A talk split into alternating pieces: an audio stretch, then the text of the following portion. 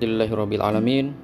Alhamdulillahilladzi arsala rasulahu bil huda wa dinil haqq liyuzhirahu ala dini kullih walau karihal musyrikun. Asyhadu an la ilaha illallah wa asyhadu anna Muhammadan abduhu wa rasuluh.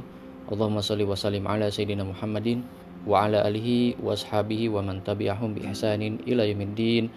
Rabbi shrah li sadri wa yassir li amri wa hlul 'uqdatam min lisani yafqahu qawli. Amma ba'd. Sahabat sekalian rahmati Allah Subhanahu wa taala, masih bersama saya Reza Ageng dalam program Kuliah Dasar Islam. Kali ini di episode ke-11 kita akan membahas sebuah tema yaitu haruskah kita mengikuti para sahabat. Sahabat sekalian rahmati Allah Subhanahu wa taala, kita telah membahas di episode-episode yang lalu tentang keyakinan kita kepada Allah Subhanahu wa taala, keesaannya, keazaliannya, kebesarannya dan sebagainya dan juga keyakinan kita pada kenabian Muhammad sallallahu alaihi wasallam dan kebenaran Al-Qur'an. Maka kita sebagai seorang muslim dituntut dengan keyakinan tersebut agar kita mentaati Allah Subhanahu wa taala dalam bentuk ibadah kepadanya yaitu mentauhidkan ibadah penyembahan kepada Allah Subhanahu wa taala dan juga kita dituntut untuk mentaati Rasulullah Shallallahu Alaihi Wasallam baik perintah maupun larangannya yang tercakup di dalam as-sunnah. Dan kita wajib pula menjadikan Rasulullah Shallallahu Alaihi Wasallam sebagai teladan bagi kehidupan kita sebagai model ideal dalam melaksanakan ajaran agama kita sebagaimana Allah Subhanahu wa taala berfirman dalam Al-Qur'an A'udzu billahi minasyaitonir rajim. Laqad kana lakum fi rasulillahi uswatun hasanah. Telah ada bagi kalian pada diri Nabi Muhammad sallallahu alaihi wasallam itu adalah uswatun hasanah teladan yang baik. Sekarang kita akan membahas tentang para sahabat. Siapakah para sahabat itu atau sahabat Nabi Muhammad sallallahu alaihi wasallam? Para sahabat adalah mereka yang hidup sezaman dengan baginda Nabi Muhammad Wasallam bertemu dengan beliau, kemudian beriman dan berislam pada masa Nabi Muhammad SAW dan juga bermulazamah bersama Nabi Muhammad SAW. Bermulazamah berarti menyertai beliau, ya. sering duduk bersama beliau, ikut dalam aktivitas-aktivitas Nabi Muhammad SAW dan juga eh, meninggal dalam keadaan muslim. Nah, itulah para sahabat. Jadi tidak semua yang sezaman dengan Nabi Muhammad SAW itu disebut sahabat, karena tidak semuanya juga bertemu. Yang bertemu pun tidak semuanya bermulazamah, bisa jadi hanya bertemu sesaat, sekali dua kali saja. Tapi ini yang kemudian eh, menyertai dalam jangka waktu yang cukup untuk dikatakan sebagai sahabat, mereka lah para sahabat Nabi Muhammad Sallallahu Alaihi Wasallam. Sahabat yang dimuliakan Allah Subhanahu Wa Taala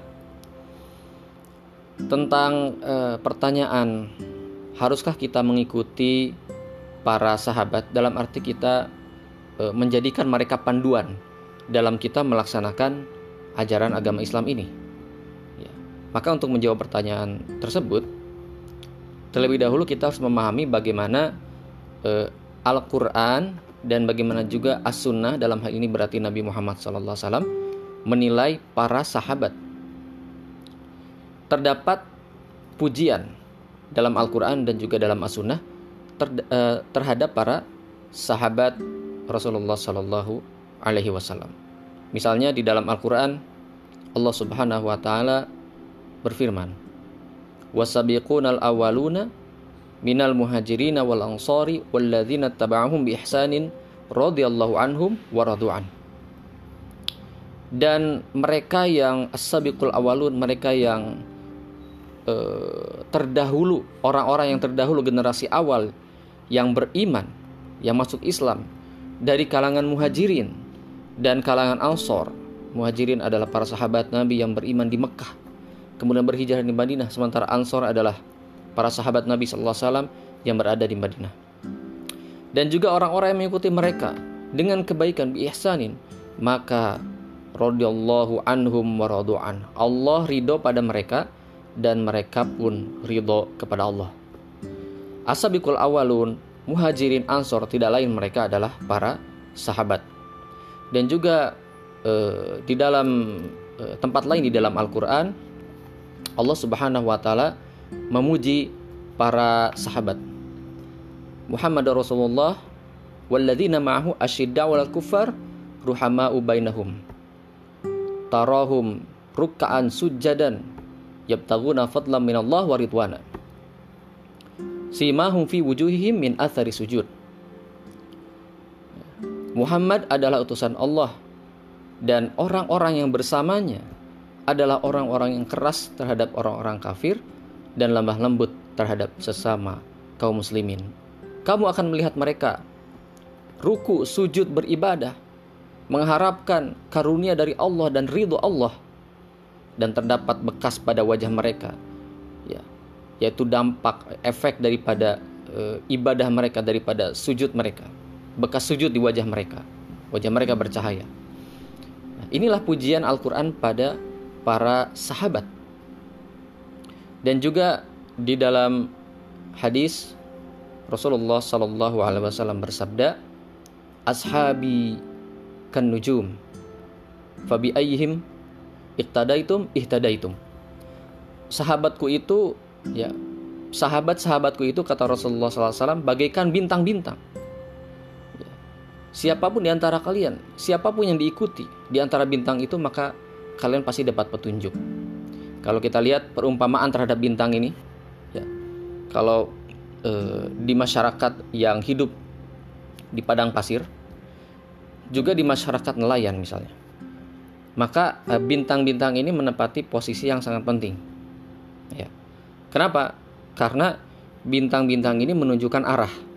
Jadi kalau anda sedang tersesat di padang pasir, cara mengetahui arah itu dengan melihat bintang tentu Anda harus tahu ya e, bintang rasi bintang mana itu menuju ke arah utara, yang mana menuju ke arah selatan. Seperti itu juga para nelayan ya, menjadikan bintang-bintang itu sebagai petunjuk arah. Nah, Rasulullah SAW mengumpamakan para sahabat seperti bintang, di mana kita mengikuti mereka pasti akan dapat akan dapat petunjuk.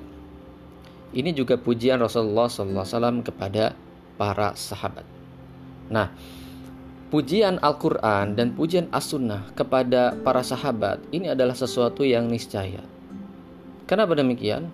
Karena para sahabat Rasulullah SAW itu radhiyallahu anhum adalah mereka yang paling awal masuk Islam.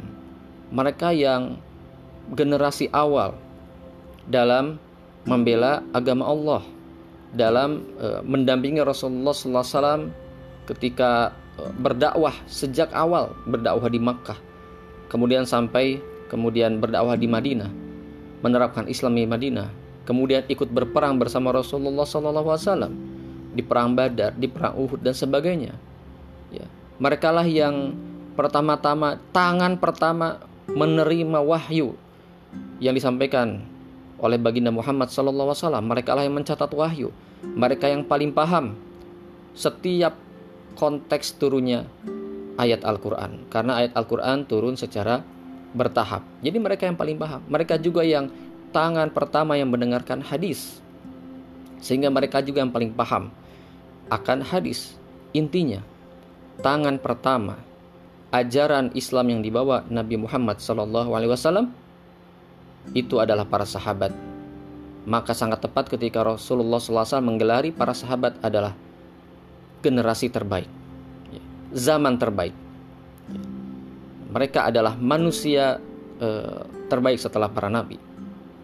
Nah, oleh karena itu, para ulama menyimpulkan bahwa ya, semua sahabat adalah adil. Kenapa disebut demikian? Karena kita kaum muslimin menerima agama, menerima ajaran agama Islam itu dari mereka. Pintunya adalah para sahabat. Semua hadis yang kita terima tidak lain riwayat pertamanya adalah para sahabat. Ya. Entah itu Abu Hurairah, entah itu Siti Aisyah, entah itu Ali bin Abi Thalib dan sebagainya, entah itu Umar bin Khattab radhiyallahu anhu dan sebagainya. Tangan pertama, pintu pertama adalah para sahabat Demikian pula Al-Qur'an yang kita terima sekarang, Al-Qur'an yang kita baca sekarang adalah Al-Qur'an yang dicatat oleh para sahabat ketika itu. Maka kalau kita meragukan keadilan para sahabat, adil di sini eh, satu sifatnya melekat ya kepada seseorang sehingga kita bisa mempercayai orang itu. Mungkin di dalam fikih kita bisa melihat misalnya eh, orang yang diterima kesaksian itu harus orang yang adil, ya. Adil tidak bermakna maksum, tidak bermakna suci dari dosa, bukan. Tapi adil itu bermakna dia tidak fasik dan dia bisa diterima kesaksiannya. Nah, para sahabat tentu saja semuanya adil.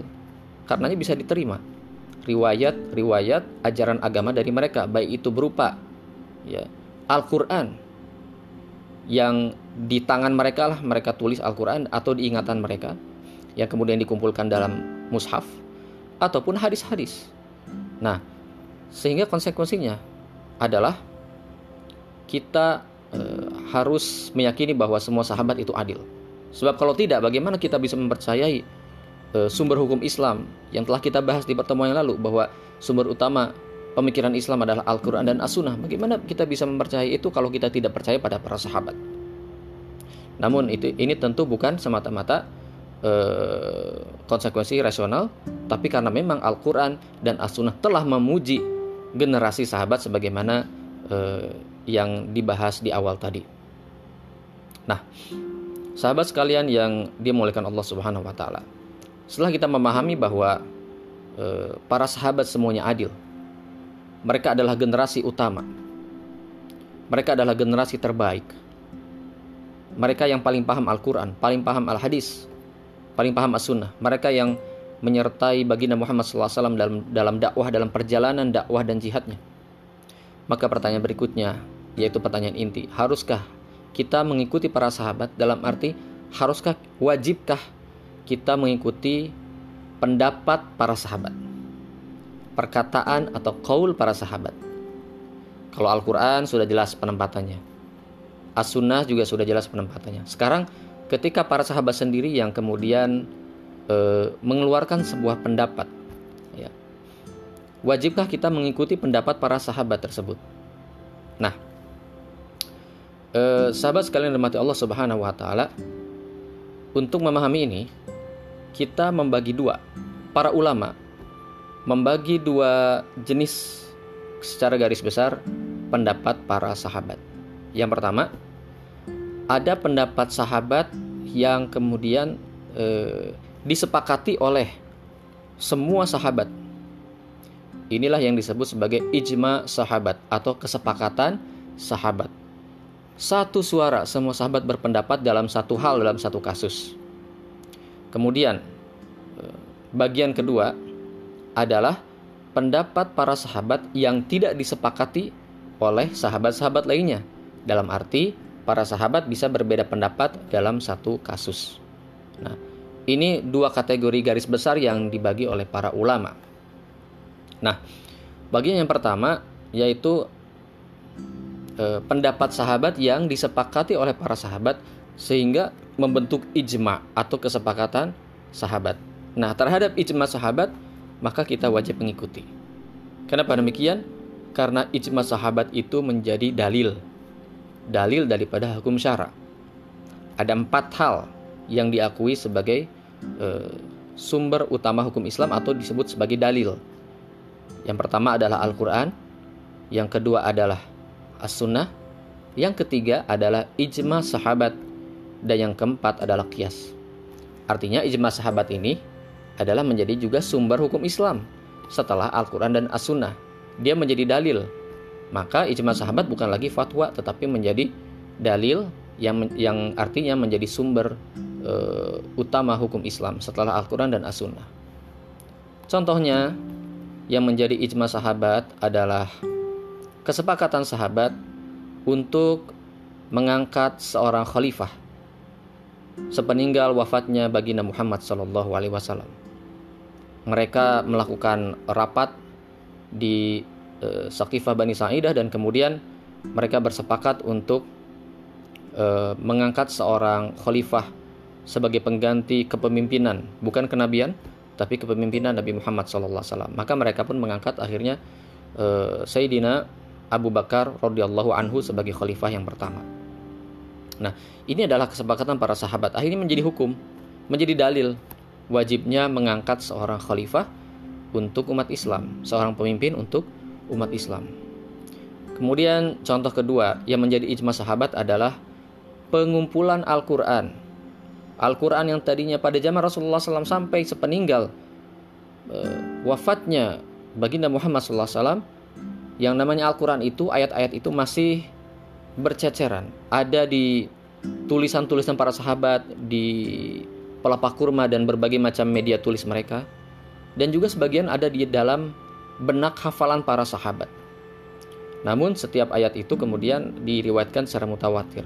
Lalu kemudian para sahabat eh, merasa khawatir eh, Al-Quran ini akan hilang sebab sebagian sahabat gugur dalam perang melawan kaum murtad pada saat itu. Maka kemudian pada zaman Khalifah Abu Bakar diinisiasilah pengumpulan Al-Quran. Ya. Semua riwayat-riwayat Al-Quran dikumpulkan, yang tercatat, tercatat dikumpulkan, yang dihafal juga, kemudian dikumpulkan. Akhirnya pada zaman Utsman bin Affan eh, selesai, rampunglah pengumpulan Al-Quran menjadi satu mushaf sebagaimana kita baca saat ini. Oleh karenanya mushaf sekarang yang kita baca itu disebut mushaf Utsmani, yaitu mushaf yang dikumpulkan pada masa uh, Sayyidina Utsman bin Affan radhiyallahu an. Nah, ini adalah ijma sahabat. Sebab Rasulullah SAW tidak pernah mengumpulkan Al-Quran dalam satu mushaf. Juga tidak pernah memerintahkan agar Al-Quran dikumpulkan dalam satu mushaf.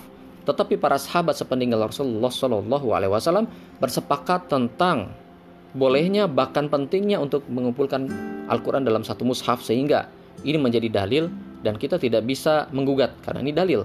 Sebagaimana kita tidak bisa menggugat Al-Quran dan As-Sunnah. Maka semua uh, semua sahabat bersepakat dan sampai sekarang tidak ada ulama yang menggugat atau kemudian berpendapat bahwa Quran tidak boleh misalnya dikumpulkan dalam satu mushaf dalam satu buku tidak ada yang berpendapat seperti itu karena itu sudah menjadi kesepakatan sahabat. Maka kita sebagai kaum muslim tidak punya pilihan selain mentaati hal tersebut ya, ya karena itu dalil. Nah itu yang eh, eh, kategori pertama yaitu eh, pendapat sahabat yang menjadi ijma atau kesepakatan. Contoh kategori kedua yang kemudian pendapat sahabat yang eh, tidak disepakati oleh semua sahabat contohnya misalnya tentang apakah batal wudhu ketika seseorang ya, menyentuh wanita. Ya. Apakah batal wudhunya? Nah, ini menjadi multi tafsir yang berasal dari uh, surat Anisa di dalam Al-Quran, ya, yaitu lafaz aula mastumunisa menyentuh perempuan. Nah, alam su di sini dimaknai apa? Nah, ini berbeda pendapat. Misalnya, ya Ibnu Abbas memaknai alam su itu artinya ya e, persetubuhan. Sehingga bagi Ibnu Abbas, sekedar menyentuh saja tidak batal wudhunya. Sementara menurut Ibnu Umar, menyentuh wanita itu hatta hanya menyentuh saja, ya, yaitu menyentuh e, kulit bertemu dengan kulit, wudhunya menjadi batal. Nah, tentu kita sebagai kaum muslim tidak mungkin mengikuti kedua-duanya karena kedua pendapat tersebut bertentangan. Yang satu mengatakan bahwa menyentuh saja tidak batal, yang satu mengatakan bahwa menyentuh itu batal. Nah, yang seperti ini disebut sebagai mazhab sahabat atau fatwa sahabat. Sebab lahir dari ijtihad, lahir dari penafsiran terhadap teks. Ya. Nah, baik itu teks Al-Quran maupun teks Al-Hadis. Ini menjadi mazhab dan pada era tersebut juga kaum muslimin mengikuti salah satu saja. Dalam satu kasus misalnya mereka mengikuti salah satu mazhab atau salah satu uh, fatwa.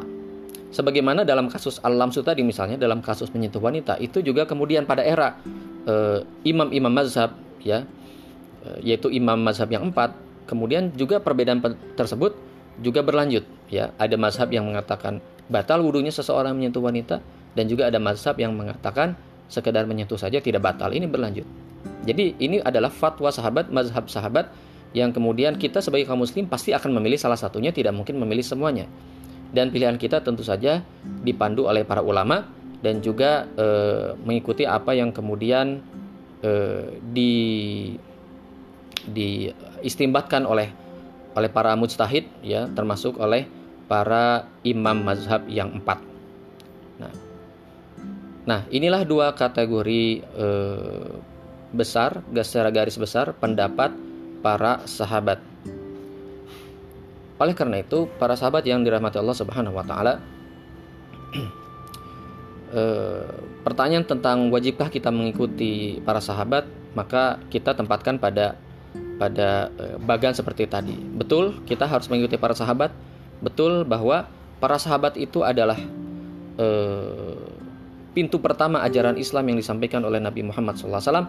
Maka wajib bagi kita untuk memuliakan para sahabat karena Allah ridho atas mereka. Kita memuliakan para sahabat. Ya. Kita eh, meneladani para sahabat akhlak mereka, perilaku mereka kita teladani karena mereka adalah kan nujum kata Nabi Muhammad SAW. Mereka adalah bintang-bintang. Walaupun mereka tidak masum, tentu yang mas, yang maksum, yang suci dari dosa hanyalah para nabi, sedangkan para sahabat tidak. Oleh karena itu pun fatwa mereka, istihad mereka bisa benar atau bisa juga keliru.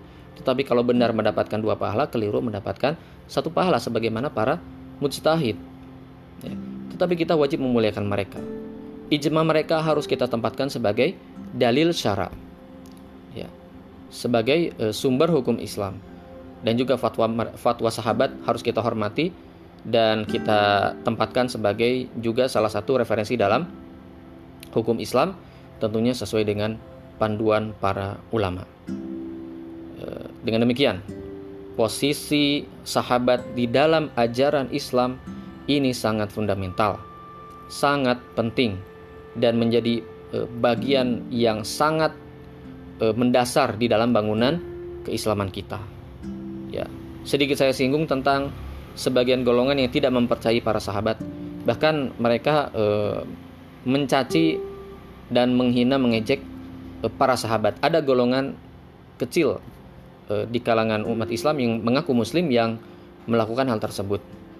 Ya. Maka pertanyaannya bagi mereka adalah kalau para sahabat mereka caci, kalau mereka tidak percaya pada para sahabat, lalu Islam seperti apa yang mereka yakini? Islam seperti apa yang mereka amalkan? Sementara pintu pertama ajaran Islam adalah para sahabat. Rasulullah SAW menyampaikan ajaran Islam ke seluruh dunia lewat para sahabat. Lalu Islam seperti apa?